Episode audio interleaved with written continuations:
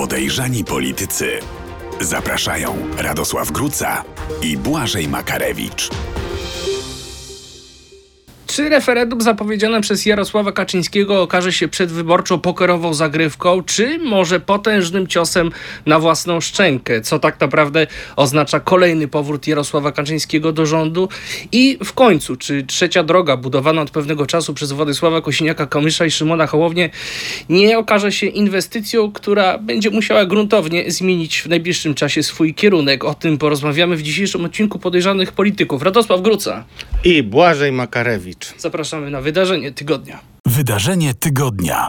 Jarosław Kaczyński ogłosił, że PiS chce przeprowadzić referendum w sprawie przymusowej relokacji uchodźców. Y, Powiedzmy o jaką liczbę osób chodzi. Niecałe y, 2000 osób. Ale Tak. może zaczniemy dyskusję, to ja przytoczę pewne statystyki. Otóż y, w okresie, kiedy PiS sprawuje władzę, y, instytucje rządowe wydały 280 tysięcy zgód na y, pobyt w Polsce dla osób z krajów muzułmańskich, to znaczy państw, w których y, islam jest y, religią dominującą. W ubiegłym roku, tylko w ubiegłym roku, ponad 130 tysięcy takich zgód. No to z tych statystyk wyłania się obraz y, partii proimigranckiej, właściwie nawet proislamskiej, można powiedzieć. No, to ciekawa obserwacja, którą też wytyka mocno PiSowi Konfederacja. No widać, że to jest jeden wielki polityczny humbug i widać też po wystąpieniu. Wczoraj byłem w Sejmie w czwartek. Prezes miał mm, swoje wystąpienie, była uchwała przeciwko mechanizmowi relokacji, ale widać, że to wszystko ma jeden podstawowy powód, yy, a tym powodem jest to, że wbrew e, zapowiedziom e, wszystkich polityków PiSu, prorządowych mediów i tak dalej, i tak no marsz e, 4 czerwca zrobił olbrzymie wrażenie i zresztą nie tylko słychać to w, em, no, w wystąpieniu, gdzie prezes już moim zdaniem wyraźnie nie panuje nad e, przekazem. Tak i y, przypomnę, że te zwycięstwa, które miały miejsce szczególnie w 2015 roku, to jednak były po pierwsze zwycięstwo poprzedzone wygraną Andrzeja Dudy w wyborach prezydenckich, wygraną, której prezes w ogóle się nie spodziewał. To mu spadło z nieba. Znaczy Andrzej Duda miał być tylko zagończykiem i kimś, kto będzie budował grunt pod zwycięstwo w wyborach parlamentarnych. Było inaczej. Teraz prezes wychodzi, prezesowi nikt nie będzie mówił, co on ma mówić. Oczywiście on posłucha rad, ale zrobi po swojemu.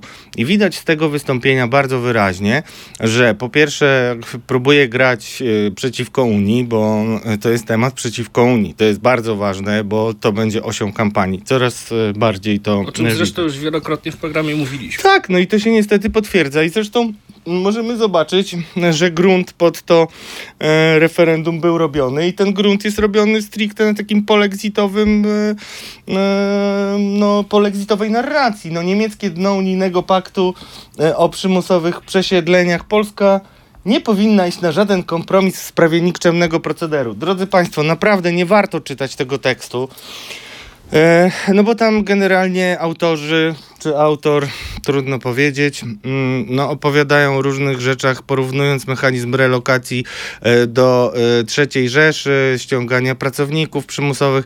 Naprawdę groch z kapustą, ale generalnie wydźwięk jest e, jednoznacznie antyniemiecki, antyunijny, więc widać, że będziemy mieli starą grę na ksenofobię, na germanofobię i tak dalej, i tak dalej. I poproszę jeszcze jeden screen, który tam mamy, no bo to widać ciekawe, ciekawe no, przystąpienie już e, do działania, które pokazuje, że mamy referendum. Polacy zasługują na referendum w sprawie przymusowej mm, e, e, relokacji. No i oczywiście mogłoby się odbyć razem e, z wyborami, ale co ciekawe, ty wiesz jak się konstruuje nazwy linków, no nie? Więc e, to jest tekst e, nie sprzed wczoraj, tylko sprzed przedwczoraj, dokładnie, tylko już screen tak się zachował. I muszę ci powiedzieć, że nie wiem jaki był wcześniej link, ale teraz już jest link Polacy pójdą na referendum. Więc wydaje mi się, że sprawa może być przesądzona z perspektywy władzy, ale to też jest zwiastun tego, co powinno być moim zdaniem najważniejszą informacją dla sceny politycznej. Bo to referendum nie będzie najważniejsze, ale to, że wychodzi z tym Jarosław Kaczyński, jest w zasadzie mm, potwierdzeniem tego, o czym słyszymy od pewnego czasu, a dokładnie od środku tygodnia, e, kiedy podaliśmy informację, że w Łodzi będzie wielka konwencja i prezes Jarosław Kaczyński wejdzie e, do rządu. Na jakich warunkach to się jeszcze okaże, ale na pewno. Jeszcze będziemy w drugiej Tak, części. będziemy o tym. Ale to, co ważne, to w Atlas Arenie wydarzy się jeszcze piękna historia wielkiego pojednania i w ramiona sobie padną premier Mateusz Morawiecki i Zbigniew Ziobro i ogłoszone zostanie, że razem pójdą e, do wyborów, e, stworzą, stworzą pewnie jedną listę. I tutaj poza mm, tym, jakie są tego Nie wiem, Janusz konsekwencje. Kowalski zareaguje na takie A Janusz zbliżenie. Kowalski sam się rzuci pewnie w ramiona. Naprawdę, polityka w, Zjednoczonej Prawicy, oni są. Nie ma żadnego problemu. No wystarczy przypomnieć sobie, kiedy dzwonili do mnie koledzy z, z, no, e, z Sejmu, bym powiedział, to wszyscy się zastanawiali, no jak to będzie wyglądało, że Morawiecki z Ziobro tak się nawalali, a teraz sobie rzucą, padną w ramiona. No będzie to tak wyglądało, jak wyglądało w Sejmie, kiedy wszyscy obgryzali paznokcie, czy premier będzie w stanie obronić Zbigniewa Ziobro podczas wotum nieufności i tam były same peany. No nie ma żadnego problemu, szczególnie dla Mateusza Morawieckiego, który jest w stanie wszystko absolutnie zrobić. Natomiast y, no, to, to też pokazuje, w którą stronę pójdzie kampania i wcale moim zdaniem to nie wróży sukcesu. A jedna podstawowa rzecz, którą warto jest y, też y, odnotować, bo my w zeszłym, y, w zeszłym odcinku mówiliśmy o tym, że sponsoruje ten odcinek liczba 200. No i mówiliśmy o tym, że 200 to jest taki próg, od którego zależy, jak prezes się zachowa i czy weźmie w ogóle tych, mm, tych mm, no, potencjalnych rebeliantów, czyli suwerenną już dzisiaj Polskę. No i jak to należy liczyć, bo, bo wielu ludzi pytało w komentarzach. No to generalnie już dzisiaj mm, prezes zmienił nieco rachunek, znaczy też jest ciągle 200, ale takim nieogłoszonym progiem, który jest progiem krytycznym, to jest 178 głosów, które daje możliwość blokowania, e, wspierania weta prezydenckiego. I teraz zobacz, masz 20 mniej więcej posłów e, suwerennej Polski na bank, czyli 200 minus e, 20 to jest 180, czyli masz jeszcze dwa głosy zapasu. I tak mniej więcej dzisiaj to prezes skalkulował, ponieważ on spodziewa się, że jeśli e, Solidarna Polska wejdzie do Sejmu, ale wybory będą przez prezesa i PiS przegrane, no to założą własny klub i zaczną już prowadzić Ale jeszcze o tym referendum porozmawiajmy, bo o, biegliśmy jedziemy, bardzo... tak, ale to bardzo ważne, bo to referendum Oczywiście. się jakby jest takim trochę, wiesz, cementem dla tego muru, który oni chcą zbudować i chcą być jak jedno pięść. Właśnie, ale uważasz, że to dojdzie do skutku? Uważam, że może dojść do skutku, nie takie rzeczy już dochodziły do skutku. W terminie wyborczym, tak jak to podają niektóre media? No wydaje się, że to jest taki akt rozpaczy ze strony Jarosława Właśnie. Kaczyńskiego, dlatego no y, wiesz, że jeżeli będzie referendum, to siłą rzeczy będzie to główny temat y, kampanii, no i prezes będzie mówił szach, tylko... Nie, czyli ponownie Prawo i Sprawiedliwość w spotach wyborczych będzie straszyć Oczywiście. Polaków, że jak tylko opozycja dojdzie do władzy, to Polskę zaleje fala y, imigrantów, powstawać y, będą Nie. islamskie dzielnice, Myślę, myślę, że, myślę, że trochę będzie zniuansowany ten przekaz. Bardziej w stronę Unii Europejskiej. Bardziej w stronę Unii Europejskiej. Znaczy się to połączy tak dość sprytnie, bo też jeszcze pamiętaj o jednej rzeczy, na pewno to będzie wykorzystywane w propagandzie, bo już jest. E, Ta e, propozycja mechanizmu relokacji została przyjęta pod koniec szwedzkiej prezydencji w Unii Europejskiej. A Szwecja jest tym krajem, w którym e, imigrantów jest bardzo dużo i coraz więcej dyskutuje się w Szwecji o przestępczości i o też o tak tworzeniu rzeczywiście takich enklaw, które no, żyją własnym życiem. No zupełnie szokujące rzeczy i to też nie ma co ukrywać, dzieją się, jeśli chodzi o zabójstwa, które popełniają ludzie bardzo młodzi. No to jest coś, co robi olbrzymie wrażenie na Szwedach, więc pewnie będzie takie straszenie, nie chcemy mieć Szwecji, a z drugiej strony, no to będzie to, o czym mówiliśmy, niemieckie dno, czyli połączyliśmy Niemców e, z no naprawdę promilem e, e, ludzi, cudzoziemców, którzy w ogóle pojawią się w Polsce. Nikt by ich w ogóle nie zauważył. Kwoty są śmieszne, jeśli chodzi Właśnie o... o tych liczbach porozmawiajmy, dlatego że Właśnie, mówimy no. tutaj o niecałych dwóch tysiącach osób, które miałyby trafić do Polski. Tymczasem, tak jak powiedziałem na początku, od 2016 rząd PiSu wydał zgody, wydał 280 tysięcy zgód dla osób z krajów o profilu takim muzułmańskim. No, y, dlaczego się tym nie chwalą? W ogóle nie tylko, no, no nie chwalą się dlatego, że oni jedno mówią, a drugie robią. Znaczy postawa polskiego rządu jest bardzo często tylko wymachiwaniem szabelką, ale później grzecznie y, się siada i przyjmuje się tak naprawdę warunki przeciwników. Y, było dużo takich przykładów. Najbardziej skrajnym moim zdaniem jest ustawa o IPN-ie, która nie dość, że była kompletną kompromitacją. Przypomnijmy, że chodziło o to, żeby zakazać mówienia o obozach śmierci na terenie Polski, tak żeby nie dać sobie narzucić narracji, że Polacy brali udział czynny w Holokauście sprawczy.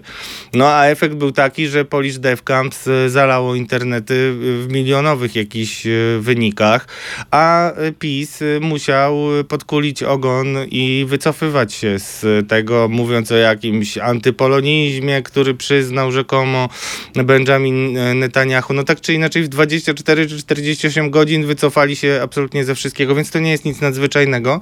Natomiast też dobrze, że o tym powiedziałeś, bo tym gra Konfederacja i PiS też musi e, starać się e, zminimalizować e, przekaz Konfederacji, głównie po to, żeby nie tracić wyborców na ich rzecz, bo tego tutaj... Opozycja powinna tam. pokazywać te liczby w kampanii? Wiesz, Te, o opozycja... których mówiłem. Znaczy, jak byłem w Sejmie, to opozycja generalnie bagatelizuje ten pomysł. Moim zdaniem niesłusznie, yy, no bo jest cały czas jeszcze tak w euforii po marszu. No i też jak prezes wychodzi i opowiada o, tej, o tym zamachu na suwerenność i naród polski tego potrzebuje, a kończy i tak wystąpienie nawiązaniem do marszu, gdzie e, obraża ludzi, że to było w ogóle bezprecedensowe, jak tak można, no to obraził tak naprawdę pół miliona ludzi. E, myślę, że to będzie kolportowane przez opozycję.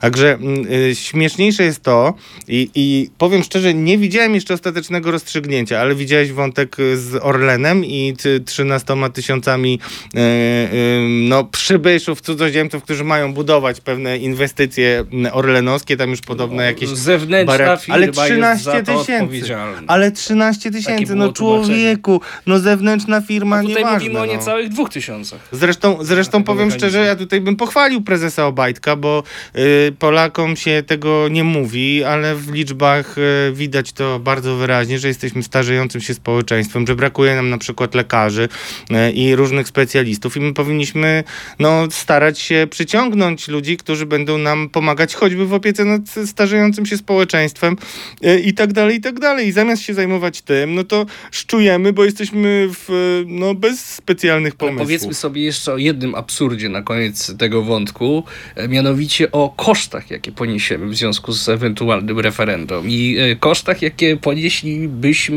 e, gdybyśmy odrzucili e, ten Tak, no bo ten- powiedzmy tę- o co chodzi, bo właśnie, Tak. no bo to, to co się mówi, że referendum w sprawie uchodźców, powiedzieliśmy, że to jest 1,8 tysiąca, ale generalnie to jest mechanizm, który y, został uzgodniony y, przez prezydencję mm, i przez Radę Europejską, teraz Parlament Europejski ma się tym zajmować Y, i według tego co jest, e, no, mm, no niestety trochę powtórką z rozrywki, ale to za, może już nie, nie wracajmy do tego. No mają być kary za nieprzyjęcie, tak? I kara za nieprzyjęcie to jest 20 tysięcy euro za jednego uchodźcę, czyli w sumie wychodzi tam 20-30 milionów w zależności od tego, jak bardzo nam e, spadnie kurs e, złotego i tak dalej, jak bardzo Adam Glapiński będzie się wygłupiał jako prezes NBP-u i tak dalej, i tak dalej.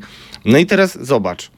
My zapłaciliśmy 2,8 miliarda, no nie zapłaciliśmy, mamy naliczone 2,8 miliarda kar e, z tytułu TSUE. No e, i to nikomu nie przeszkadza i w ogóle bez sensu mamy to, bo zaraz jeszcze do tego będziemy wracać. E, Tylko upór rządu e, i w sprawie rzekomej, niezbędnej reformy wymiaru sprawiedliwości, która wygląda tak, jak wygląda. No, są dłuższe postępowania, wielki chaos, kwestionowanie wzajemne wyroków i tak dalej. Spokojnie, tak dalej. ale obiecali już, że w przyszłej kadencji naprawią. A nie, no Więc na pewno, w przyszłej kadencji to- spać to- spokojnie. to już naprawią wszystko, ale yy, no może tej przyszłej kadencji nie będzie, to wtedy będą musieli naprawiać, nie wiem, prycze w celi niektórzy przynajmniej. Ale Grubo, grubo. y, nie, no to, to mu- mówimy o faktach. Ale to, co ważne, to to, że oni będą akcentować przymus, że nas przymusza y, komisja, czyli Niemcy, ich zdaniem, bo to się zlepiło, y, i będą grali tym, pokazując kwestie suwerennościowe i tak dalej, i zapominając o tym, że oczywiście na co się zgadzali wcześniej, jeśli chodzi na przykład o KPO, to wszystko będzie wyciszone, a będzie, że zmuszają nas do tego, żebyśmy innowierców przejmowali. I to w ogóle tylko na koniec tego wątku chcę powiedzieć, że to jest, no bo ten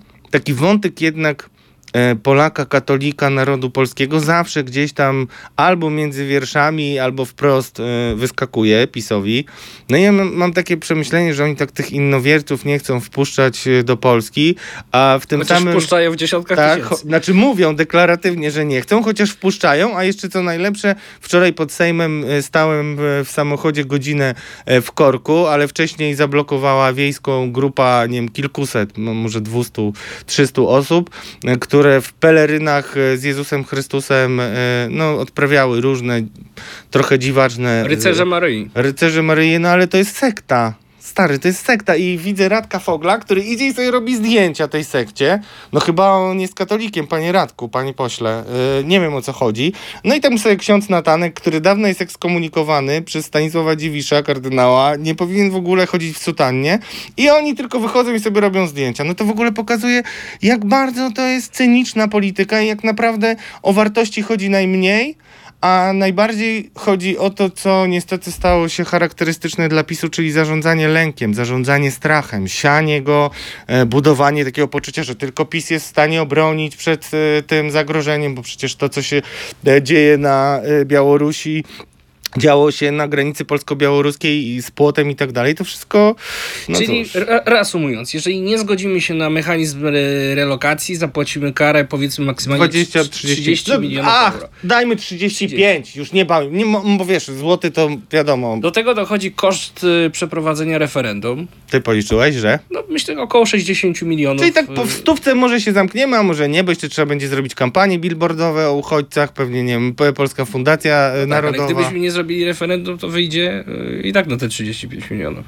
No To jest po tak, prostu wyrzucenie 60 milionów y, w błoto. co najmniej, tym bardziej, że tak, referendum będzie niewiążące, więc tak sobie amuzą tak naprawdę, a poza tym wiesz, do czego prowadzi referendum? Jeżeli w tym referendum Polacy powiedzieliby nie chcemy, a obligują nas do przyjęcia przepisy związane z członkostwem Polski w Unii, to jakie następne referendum powinniśmy zrobić? No, wyjście z Unii Europejskiej. No po prostu, jeżeli oni nam narzucają takie rzeczy i będą nam opowiadać politycy PiSu, że zakażą benzynowych czy tam jakichś e, silników, że robale będziemy jedli, czyli budowanie tego poczucia lęku na odrazie, no, no, no sorry, ale no, nie, nie bądźmy ślepi. Do tego to wszystko zmierza i porozumienie, które zostanie e, ogłoszone e, Zbigniewa Ziobry z e, suwerennej Polski razem z PiSem, no prowadzi do tego, że będziemy mieli w kampanii no, y, mocne pytanie o polexit, nawet jeżeli nie sformułowane wprost, to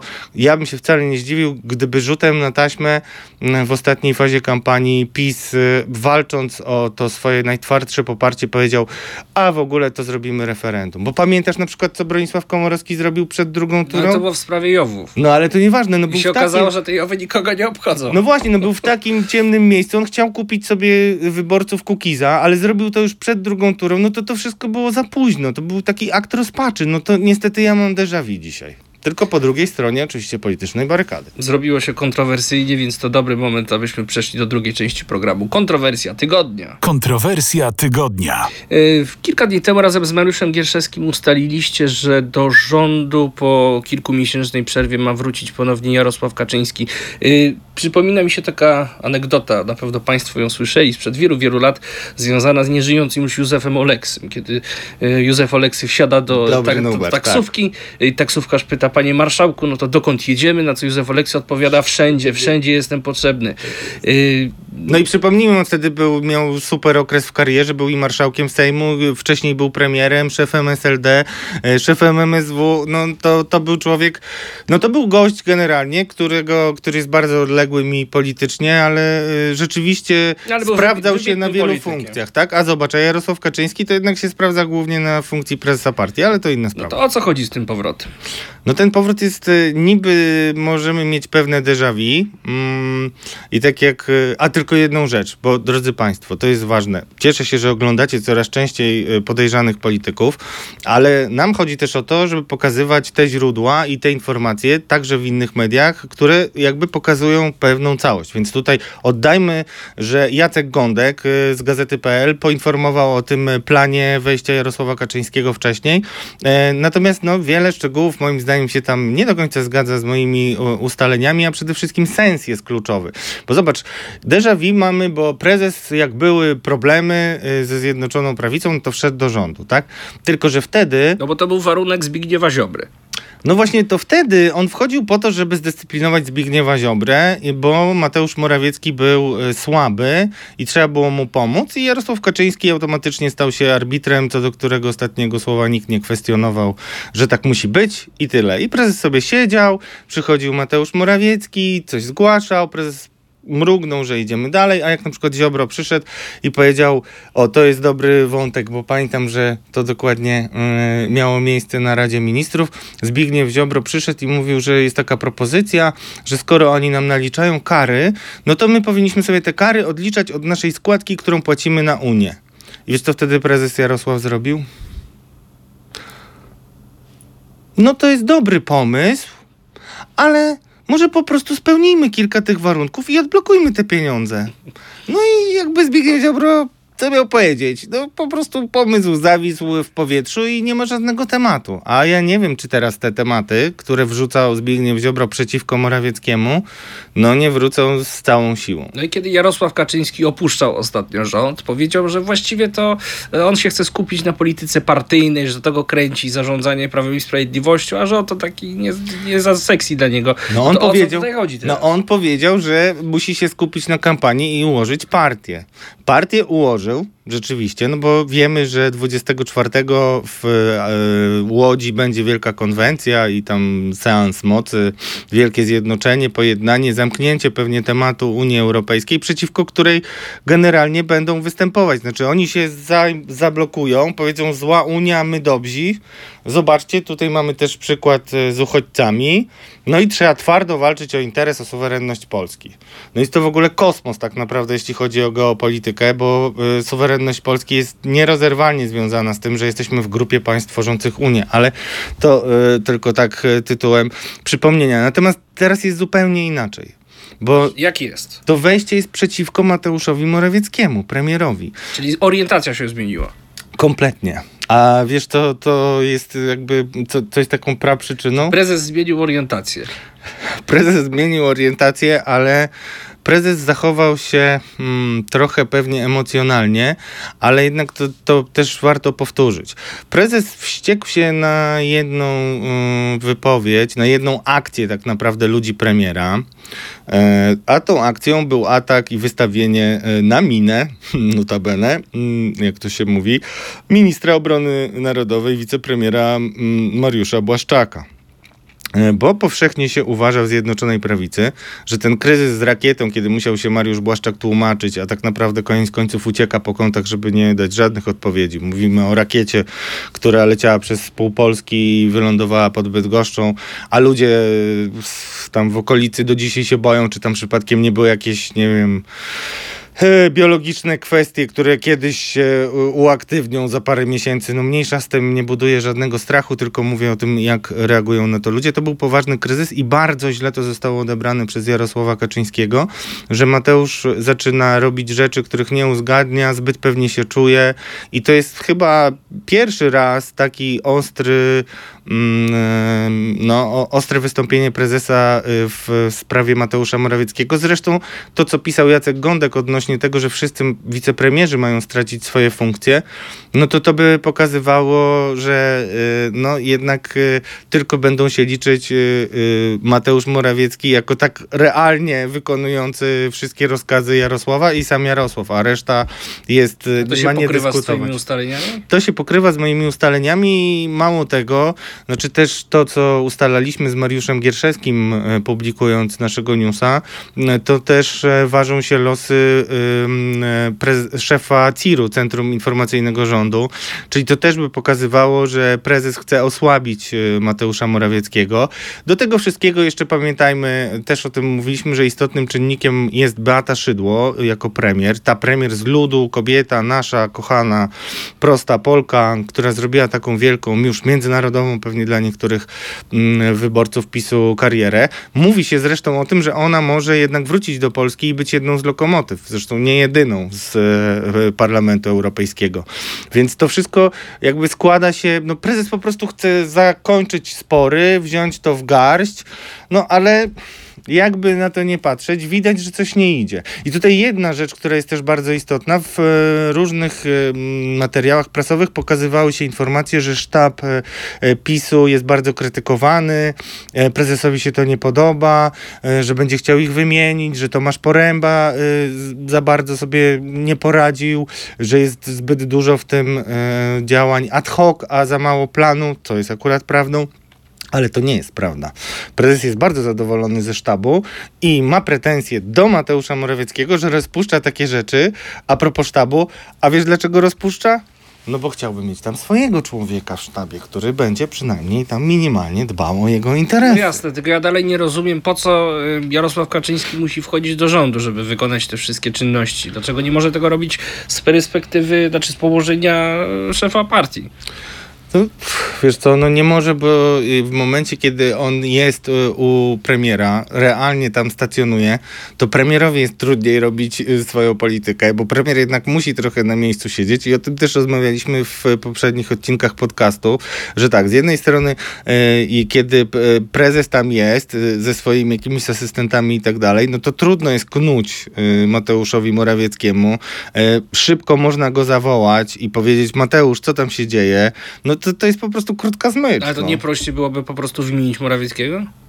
No nie, no prezes nie może wymienić Morawieckiego, bo to by było przyznaniem się do wszystkich e, zarzutów, które Mateuszowi Morawieckiemu się stawia, więc no takiej opcji nie ma e, i nie będzie już na pewno, ale e, ważnym czynnikiem jest jednak to, że no, Mateusz Morawiecki dostał jasny sygnał, że nie może prowadzić własnej polityki. To też w zasadzie może przybliżać nas do tego, że Beata Szydło wróci i nawet będzie tą twarzą kampanii. Bo wiesz, warunkiem tego, żeby Mateusz Morawiecki dalej funkcjonował w przyszłości jako ewentualny premier i ewentualny następca Jarosława Kaczyńskiego, było to, czy on załatwi pieniądze unijne. Do tej pory ich nie załatwił. Nie znaczy to, że one już nie zaczną płynąć jeszcze w czasie rządów PiS, bo takie głosy też do mnie dochodzą ze strony Unii Europejskiej, że jeśli będzie pierwszy wniosek zgłoszony e, o pieniądze z KPO, to one mogą zostać wypłacone. Szczerze mówiąc, nie bardzo sobie to wyobrażam, jak to ma wyglądać, ale tak widać taką gotowość, a nawet potrzebę wśród ludzi y, rządzących Komisją Europejską i najważniejszych graczy w Unii, żeby te pieniądze były, co zresztą co ciekawe, motywuje ich lęk przed tym, że jednak ta inżynieria, mm, no, PR, y, hejt y, i miks y, mm, no, kampanii, które prowadzi PiS i propagandy, spowoduje, że Polacy przestaną być najbardziej proeuropejskim społeczeństwem. A oczywiście kraje Unii mm, widzą korzyści w tym, że Polska jest w Unii Europejskiej i nie tylko my mamy te korzyści, ale oni też mają. Dlatego obawiają się, że jeżeli nie będzie wypłaconych pieniędzy z KPO, no to wtedy to będzie paliwo dla PiSu, żeby robić ten polexitowe narracje. I zresztą ja sobie wyobrażam w referendum takie pytanie, czy Polacy powinni pozostawać w Unii Europejskiej, jeśli będziemy dokładać, jeśli nasza składka będzie większa niż fundusze. I wtedy już nie będzie 80% Polaków za Unii, to ci gwarantuję. No dobrze, Beata Szydło jako lokomotywa wyborcza, ale kandydatka na premierę ewentualnie nowego rządu? No właśnie, widzisz, to jest zasadnicze pytanie i oczywiście na nie odpowiedzi nie będzie, ale wiesz, kiedy wejdzie Beata Szydło, która na naprawdę nie ma większego wroga na świecie niż Mateusza Morawieckiego i nigdy nie zapomni mu tego, co on zrobił, czyli wymiany jej na stanowisku premiera i zdegradowanie jej do pozycji swojego zastępcy, no to jest ryzykowne. Aczkolwiek wiesz, jeżeli przez 4 lata opowiadamy o tych wielkich wojnach gangów i potem gangi wychodzą razem na wspólną konwencję i będą tak jak na urodzinach ojca Rydzyka tam śpiewać, czy się modlić, czy coś jeszcze, no to to jest obrazek, który wyborcy generalnie y, przywykli do tego, że gangi się nawalają pałkami bez y, umiaru. No zobaczą, a jednak w momencie próby potrafią się zjednoczyć i tej niemieckiej, obcej, y, piątej kolumny nie dopuścić y, do władzy, a jeśli dojdą do władzy, to wszystko nam zabiorą i tak dalej, i tak dalej. i tak A czy z dalej. punktu widzenia wyborców Prawa i Sprawiedliwości to wejście Kaczyńskiego do rządu ma jakieś znaczenie? Dla ludu pisowskiego, dla polityków PiSu ma znaczenie, bo oni zawsze się lepiej czują, poza tym wtedy automatycznie nie traktują Mateusza Morawieckiego w ogóle jako kogoś, który ma cokolwiek do powiedzenia. Wszystko się załatwia z prezesem. Natomiast myślę, że wyborcy... Pff, ja nie mam takiego wrażenia. Ja nigdy nie zauważyłem takiego efektu e, wzmocnienia. Zawsze wszyscy w PiSie mówią, że najlepszym premierem byłby Jarosław Kaczyński, no ale on jednak nie zostaje premierem. Ale wiesz co teraz sobie wymyśliłem? Bo to jest tak wszystko spontanicznie wymyślone, że ja nawet bym się nie zdziwił, gdyby nagle y, Jarosław Kaczyński został premierem, a wicepremierem Mateusz Morawiecki. Kto wie? Wszystko jest na stole, o tym się nie mówi, ale też wyjątkowo ciężko Ale na te dzisiaj... kilka miesięcy przed wyborami? No, to by było przy, znakiem przywództwa i tego, że no cóż, na przykład jeżeli by wariant atomowy wchodził w grę, a wiesz jaki jest wariant atomowy, że wprowadzamy stan wyjątkowy, bo na przykład nagle jakaś rakieta wpadnie do Polski i tym razem o niej powiedzą wszystko. No i co? I wtedy można stan wyjątkowy przy granicy wprowadzić, nie ma wyborów. No to jeżeli Jarosław Kaczyński na czele rządu wprowadziłby taki stan wyjątkowy, no to na pewno wyborcy dużo, yy, no przyjmą to mniej krytycznie i i będą mieli mniejsze wątpliwości niż jakby to zrobił Mateusz Morawiecki, co do którego jednak duże wątpliwości nawet sam elektorat ma. A co z Mariuszem Błaszczakiem? Jeszcze na koniec zapytam. No Mariusz Błaszczak jest tutaj w wyjątkowej sytuacji i No chce bo też... był pompowany przez wiele miesięcy, Jest prawda? pompowany i cały czas, wiesz co, rozmawiałem z człowiekiem, który doskonale zna relacje wewnątrz PiSu wczoraj w nocy i on mi uświadomił jedną rzecz, jaka jest podstawowa różnica między Mariuszem Błaszczakiem a Mateuszem Morawieckim. I wszystkim, którzy interesują się polityką, jednak chciałbym powiedzieć, że ucho prezesa, to akurat jeśli chodzi o Mariusza Błaszczaka, to jest wypisz, wymaluj taka relacja. I Mariusz Błaszczak, w przeciwieństwie do Mateusza Morawieckiego, nigdy, nigdy nie zgłaszał żadnych ambicji, nigdy niczego sobie tam nie załatwiał specjalnie, nigdy o nic nie prosił. Jest wiernym i lojalnym żołnierzem prezesa, który oczywiście prochu nie wymyśli, co do tego Jarosław Kaczyński nie ma wątpliwości, ale on nigdy nie zawiódł i zawsze mm, był. mm, No nikt nie może mu prezes postawić takich zarzutów. I teraz pamiętasz tę y, wypowiedź, która bardzo zbulwersowała niektórych. Y, Pod płotem Jarosław Kaczyński na konferencji, pytany o Mariusza Błaszczaka, odpowiedział dziennikarzowi TVN, że jeśli, przepraszam pana, ale jeśli ktoś y, tak pyta no, y, i kwestionuje tam pozycję Mariusza Błaszczaka, czy go krytykuje, to działa w interesie Kremla. To nie było do dziennikarza TVN. To było do Mateusza Morawieckiego. I tym ciekawym, interesującym, tajemniczym akcentem kończymy część trzecią podejrzanych polityków i przechodzimy do ostatniego wątku, stan gry. Stan gry. W ostatniej części programu więcej miejsca poświęcimy sprawom związanym z opozycją. E, Kilka tygodni temu e, w programie rozmawialiśmy o takim scenariuszu, że jak już dojdzie do porozumienia Kośniaka-Kamysza z Hołownią, ale ten początek nie będzie miał jednak tego wow, nie, nie, nie będzie tych wystrzałów, no to e, sytuacja może się zupełnie inaczej potoczyć i może jednak dojść do zjednoczenia opozycji w y, tym, tym szerszym zakresie. No i co? No, mamy trzecią drogę, a sondaże nie porywają. No nie porywają, chociaż no ja, ja jestem jednak y, mm, ostrożny w ocenianiu tych y, sondaży. Y, nie wszystko tam widać. Mam pewne wątpliwości. Politycy nawet nie mają też takich y, no, a, no absolutnego przekonania, y, że sondaże no nie są w pewien sposób jakoś y, kreowane, czy też różne czynniki, takie właśnie jak strach przed tym, czy to, co ja powiem ankieterowi nie wyjdzie i nie będzie przeciwko mnie, to wszystko są takie rzeczy, które Nie, no ja no rozumiem, wcześniej ale nie były. oczekiwania były na pewno takie, że będzie na początku kilkunastoprocentowe poparcie. Oni uważają, oni uważają, że mają tam z, w swoich sondażach 15%, to znaczy teraz, teraz referuję, co było przed tam dwoma, trzema tygodniami, jeszcze było spokojnie. Ale na przykład bardzo źle zostało odebrane na opozycji to, że oni chcieli, y, że w końcu spotkali się z ludźmi PiSu i rozmawiali o edukacji, co było pomysłem Hołowni i Kosiniaka. Tylko wiesz, jak masz dwóch liderów, no to Zawsze ktoś pierwszy wpadnie na ten pomysł, jednak to nie jest tak, że oni myślą jednocześnie. I na przykład bardzo dużym cieniem się y, położyło mm, no, pójście w marszu, bo y, no, jest krytykowany za to y, Kosiniak-Kamysz. Y, Podobno pomysł był Szymona Hołowni. Oni też się jakoś ze sobą nie zgrali, dlatego nie było między innymi przemówień, bo nie było tutaj chyba zgody. No i tak obrywają z jednej strony od kolegów e, z koalicji obywatelskiej e, i też oczywiście od lewicy, że w ogóle przecież nie można siadać z pisem do rozmów, i z nimi można tylko rozmawiać o kapitulacji, napisał Tusk e, na e, Twitterze. No to wszystko powoduje, że e, po pierwsze ludziom Szymona Hołowni wielu trochę puszczają nerwy. Mm, Po drugie, to ma przełożenie na taki rosnący apetyt zielonych ludowców e, w obsadzeniu najlepszych miejsc na wspólnych listach. No to, a jeszcze do tego, no najgorszym takim, taką trucizną dla tych sondaży mm, PSL Polska 2050 jest to budowanie przekonania, którego ja nie podzielam, ale budowanie przekonania, które budują między innymi ci silni razem mityczni, czyli grupka na Twitterze, ale nie tylko, bo w, w ogóle zwolennicy mm, koalicji obywatelskiej, która przecież jest liderem opozycji niekwestionowanym, że zobaczycie, nie warto ich tak mocno wspierać, bo oni mogą zdradzić i przejść po wyborach na stronę PiS. I mówi się z jednej strony oczywiście o Szymonie Hołowni, co moim zdaniem jest no, pozbawione podstaw, chociaż zaraz powiem o jednym przykładzie, który po, pomaga takim budowom, no a z drugiej strony oczywiście PSL.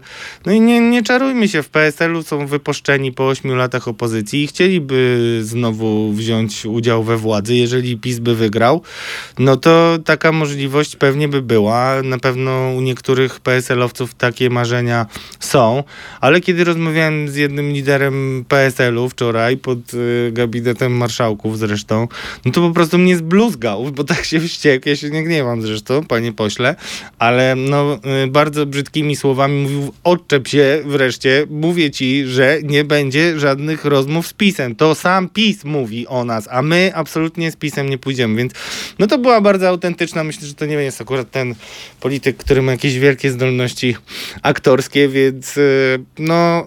y, Pytanie jest takie, czy ustają. Znaczy PSL jest pewny swego, bo PSL ma przewagę nad y, Szymonem Hołownią, jeśli chodzi o struktury, działania operacyjne, Pieniądze. kampanie, pieniądze, no wszystko.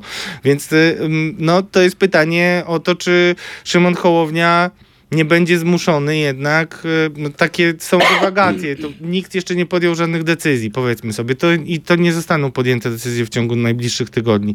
No ale trzeba odnotować to w stanie gry, że nie jest to tak scementowana struktura, jakby mogło być, że jest nerwowo, aczkolwiek ja nie rozumiem, dlaczego politycy tak się tego obawiają y, i, i gdzieś tam naprawdę liczą się z tym, że 8% nie przekroczą, bo kampania na pewno PSL-owi pomoże. PSL zaw- jest od zawsze w parlamencie, Nie no, tak? zgoda, ale wiesz, trzeba jednak podejmować decyzje mocno pragmatyczne. Ja pamiętam, jak e, w 2000 bodaj 15 roku, chyba Krzysztof Gawkowski mówił, e, boicie się przekroczyć e, 8% do swoich e, koleżanek, kolegów z lewicy, bo to wtedy powstawał ten koalicyjny twór Zjednoczona Lewica, tak, z ruchem Palikota. No jeśli się boicie przekroczyć 8%, Ale pamiętasz, co tam się jeszcze to... wydarzyło? Po pierwsze, tam się wydarzyła Magdalena Ogórek, która, nie wiem, czasami ja ją odbieram jako takiego konia trojańskiego, jak patrzę na to, ile korzyści, ile pieniędzy, splendoru, sławy i pozycji zdobyła dzięki PiSowi. No to czasami też słyszę od ludzi lewicy, że to no, jej wynik e, w e, kampanii prezydenckiej, ona była kandydatką na prezydenta, Magdalena Ogórek, ta z TVP, ta gwiazda, od Jakimczyka, od tych wszystkich akcji. No, Jakimowicz. E, e, Jakimowicza, Boże, Jarku Jakimczyk, przepraszam cię bardzo, ja zawsze to e, przekręcam. E, e, to pociągnęło w dół lewicę plus razemki. I teraz może to jest dobry moment, żeby porozmawiać o tym, jak w tej układance sobie radzi lewica, tym bardziej, że wydaje się, że super tematy, jeśli chodzi o lewicowy elektorat, e, teraz się wydarzyły. Znaczy super tematy, aż, aż, aż tutaj bardzo przepraszam że za taką niefortunność, ale no to jednak kwestia e, przy, no, realnego zakazu aborcji, praw kobiet, no to jest temat, który powinien najbardziej wzmacniać lewicę, bo ona jest tutaj najbardziej autentyczna. Była od zawsze, e, no nie od zawsze, SLD jednak też ma swoje grzechy, zaniechania z perspektywy Nie, lewicy. znaczy ja wspomniałem o tym w 2015 roku, żeby mm, podkreślić, że Lewica wówczas podjęła to ryzyko startując jako koalicyjny komitet wyborczy i niewiele jej zabrakło, aby wejść do Sejmu i wypadła. Kilkuset I tysięcy od- głosów. Dzisiaj z, w, w dzisiejszym e, kontekście szczególnie istotne jest to, żeby właśnie ten komitet Trzecia Droga przekroczył to 8%, no bo jeżeli się tego nie e, uda zrobić, no to traci na tym przecież cała opozycja. PiS ma właściwie kolejną kadencję.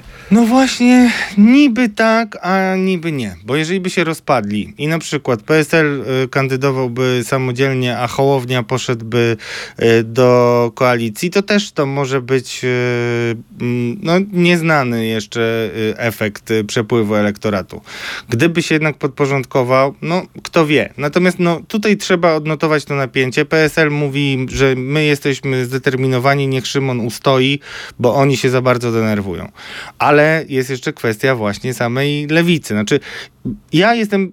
Gdybym miał się zakładać, no ręki może nie, nie postawię, ale gdybym miał się zakładać, to bym się założył, że nie ma mm, ryzyka realnego, żeby nie weszli do Sejmu e, Szymon Hołownia z e, PSL-em. No, uważam, że te 8% jest e, spokojnie w zasięgu ręki, a nawet uważam, że dużo ponad e, 10, no powiedzmy 11, 12 to jest absolutnie realne. No i tylko kwestia, jeżeli się nie wierzy we własne siły, no to nie warto startować. Ja no. cały czas stoję przy swoim, już w naszym programie kilka tygodni temu mówiłem, że jestem przekonany i mogę się z tobą o to założyć, że jednak ostatecznie Hołownia i PSL wystartują razem z Koalicją Obywatelską.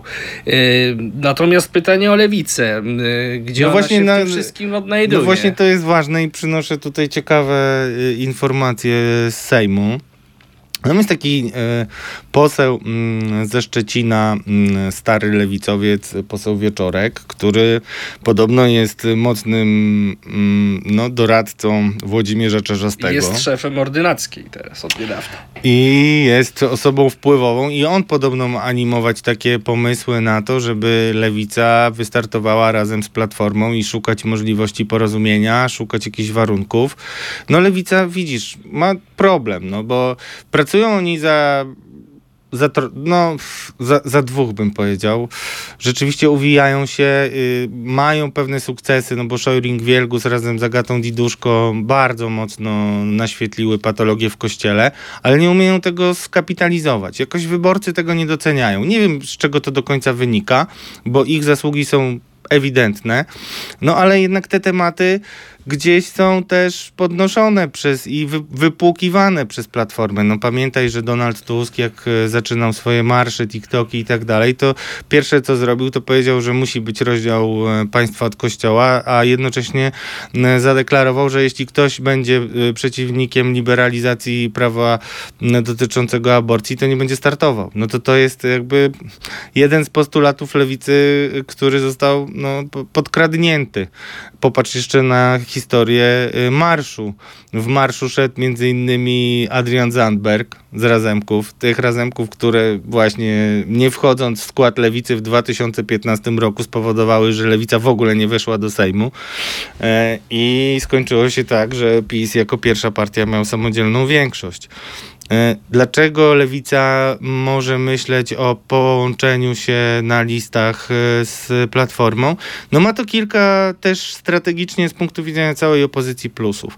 Bo jeżeli po pierwsze tak, zobacz, jak była koalicja europejska, to lewica super na tym wyszła w wyborach europejskich, bo wprowadziła Belkę, Ciboszewicza, Oczywiście, ale w Millera. Platformie zdali sobie sprawę, że nie mogą już tego błędu powtórzyć. No właśnie, no i pytanie, czy nie mogą, zupełnie to są inne wybory parlamentarne, ale no i jakby ten ruch miałby, dawałby pewną nadzieję lewicy, która może się obawiać o to, czy wejdzie do Sejmu i też jakby wstawiając swoich ludzi na listach, ma dużo, ma szansę y, zebrać więcej mandatów niż samodzielnie. Tak było w przypadku tej e, kampanii do Parlamentu Europejskiego, czyli jeżeli Platforma e, pójdzie razem z Lewicą i dostanie też jakiś bonus, po pierwsze za zjednoczenie, po drugie za przyjęcie części lewicowych postulatów, no to można liczyć na to, że ten taki szklany trochę sufit Platformy zostanie e, przekroczony. To jest primo. Ale druga rzecz, to na tym też mogą skorzystać właśnie e, ci, którzy chcieli kiedyś chadecką partię e, robić, czyli PSL z Hołownią, bo wtedy Platforma będzie już jednak miała taki mocno lewicowe zabarwienie, no bo lewicy nie będzie. I to może zniechęcić prawicowych wyborców. No i wtedy, jeśli oni są już z gruntu antypisowcy, to antypisowscy to e, mogą przejść na głosy PSL-u i, e, i Szymona Hołowni. No i tutaj też największym pytaniem jest to, co będzie z Konfederacją, no, bo, bo teoretycznie to by wzmacniało opozycję poza Konfederacją, ale rozmawiałem też z politykami Konfederacji i oni sobie zdają, oni najbardziej kibicują Tuskowi w tym gnębieniu Szymona Hołowni, bo Szymon Hołownia i Konfederacja korzystają z tego elektoratu, który lubi nowość, lubi tych, którzy jeszcze nie byli i tak dalej, i tak dalej. Trochę taki antysystemowy. Tak, trochę taki antysystemowy, ale trochę tak dajmy już młodym, innym i tak dalej. Szymon Hołownia jeszcze tą twarz młodą jakoś tam utrzymuje w, y, u niektórych wyborców. No i Konfederacja jak traciła, to trochę zyskiwał Hołownia i oni to widzą bardzo wyraźnie, więc temu bardzo mocno kibicują. Natomiast no, by, by, Czy moim wszystko zdaniem, się okaże teraz. jeśli chodzi o lewicę, to są dwa scenariusze. No jeżeli... No to się znasz na lewicy lepiej niż ja. Ach, wcale nie. E, jeżeli e, te badania będą utrzymywać się na przyzwoitym poziomie, powiedzmy około 10, tam 11-12%, no to oni pójdą sami, będą chcieli pójść samodzielnie. Natomiast jeżeli będzie niżej, jeżeli ta polaryzacja zjednoczenia opozycji poza lewicą będzie działała w ten sposób, że notowania lewicy będą spadać, a uważam, że tak właśnie to się wszystko potoczy, no to e, Włodzimierz Czarzasty nie będzie miał wyjścia, będzie musiał e, z Tuskiem się dogadać, ale na bardzo słabych dla siebie warunkach. No właśnie te warunki są takie. Znaczy powiem szczerze, mi to jest szkoda lewicy. Ja nie mam już e, żadnego sentymentu do żadnej konkretnej partii, bo, bo oceniam ich przez pryzmat danych polityków, a nie y, przez pryzmat całości e, partii, jak oni się zachowują. E, ale no na pewno pozycja będzie gorsza. I trochę się dziwię, nie, nie bardzo rozumiem, co tutaj nie gra w lewicy, bo oni mają bardzo dużo ważnych tematów. Ale nie potrafią ich sprzedać. Nie no. potrafią oni na przykład sprzeciwia, ale to powiedzmy też jakby uczciwie, bo to są ważne kwestie, bo o aborcji to my oczywiście wszyscy wiemy, wiemy też o tych problemach kobiet, wiemy y, jakie tam były emocje, to są wszystko tematy, których y, lewica pilnuje, ale też lewica na przykład bardzo mocno kontestuje y, kwestie takiej no, rozluźnienia przepisów i podejścia w ogóle do reklamy alkoholu, a my przecież pijemy więcej niż kiedykolwiek, ostatnio y, nowe badania. E, Też ma wrażliwość, jeśli chodzi o psychiatrię y, dziecięcą. I to są wszystko rzeczy, którymi oni się zajmują realnie, a ludzie w ogóle o tym nie wiedzą. Znaczy ta kwestia To alkoholu są na rzeczy przykład. bardzo ważne, ale jednak w przestrzeni publicznej niszowe. No właśnie to jest, a, a też z drugiej strony to pod ich wpływem na przykład Zbigniew Ziobro e, jeszcze w ubiegłej e, kadencji e, wprowadził takie przepisy dotyczące przemocy domowej, dalej, gdzie trzeba obowiązkowo separować sprawcę od y, pokrzywdzonych i tak dalej, i tak dalej, ale widzisz, oni pracują, a śmietankę spija. A tutaj PiS za to, że to wprowadził, tutaj Tusk, który jest przecież dzisiaj uważany za hegemona i on, jeżeli mówi, że będzie rzeczywiście y, oblik dla kandydatów, że muszą liberalizować aborcję, no to to będzie i tyle. No. Skomplikowane to bardzo i niesprawiedliwe, no ale cóż, e, e, zwycięzców nikt nie sądzi i tyle. Ptaszki ćwierkają, że masz jakieś informacje dotyczące układanki, układanek y, na listach y, wyborczych. No dużo ciekawych y, y, się szykuje y, starć. To też w kontekście tych, którzy szukają sobie jakiś szalub i ewentualnie szans. No jest porozumienie trochę samotne, które przybliża się do PSL-u. Tam z Gdańska, z Gdyni może wystartować Magdalena Sroka i ci politycy porozumienia mogliby uzupełnić PSL tam w miastach i tacy politycy, którzy rzeczywiście pracowali lokalnie i są znani, mogą ich pociągnąć. Przypomnę, że jeszcze jest Biernacki. Znaczy, jeżeli Biernacki, to, to Gdańska, Gdynia, y, y, Magda Sroka chyba, albo odwrotnie. E, Tam już y, się ewentualnie przymierzają, ale też w Gdyni ma startować były wicemarszałek Stanisław Tyszka. To też będzie ciekawe starcie. No Platforma ciągle ma tą dyskusję jeszcze przed sobą, jeśli chodzi o to, jakie listy i gdzie. Też Tyż, tyżka z Konfederacji. A co z Arturem Dziamborem? Konfederacji. No Artur Dziambor y, podobno zachowuje się bardzo przyzwoicie i lojalnie wobec swoich dwóch y, y, kolegów y, wolnościowców, czyli posła Jakuba Kuleszy i, i byłego europosła, syna zresztą Andrzeja Sośnierza, Dobromira, Dobromira Sośnierza i to podobno Dobromir Sośnierz, taki długowłosy, nieokrzesany i dość y, no, impulsywny w swoich różnych wystąpieniach i ekspresyjny jest kością niezgody. Znaczy, bo Dziambor mówi, ale chodźcie, weźmiecie nas we trzech, takich wolnościowców. No a oni mówią, ale ten Dziambor to wiesz... To niekoniecznie. Dziambor to tak może nie. Tym bardziej, że rzeczywiście Dziambor w takiej konserwatywnej z założenia centroprawicowej formacji może być pewnym problemem, bo jest, y, no, ma niewyparzony język i, i też różne takie swoje przywary, więc Dziambor, który ma swoją pozycję, no, na razie się jeszcze nie dopukał do PSL-u i tak samo chyba jest y, z porozumieniem. Nie będzie startował Jarosław Gowin, y, który zawiesi swoją działalność polityczną być może na zawsze. Ja mu w ogóle bardzo współczuję, szczerze mówiąc, chociaż jestem y, za to krytykowany, ale też myślę, że kiedyś on sam opowie o tym, jakie były w stosunku do niego podejścia i co też, no, jakie podłości zdecydowały o tym, że no i, i to go dotknęło osobiście i też e, politycznie.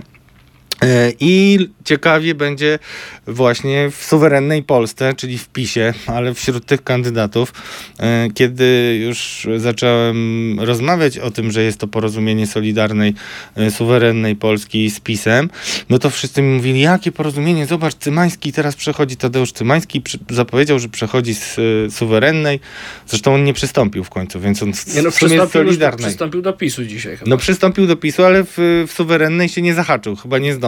No. Więc on y, w ten sposób zrobił, no ale to absolutnie nie przekreśla niczego, znaczy wręcz przeciwnie.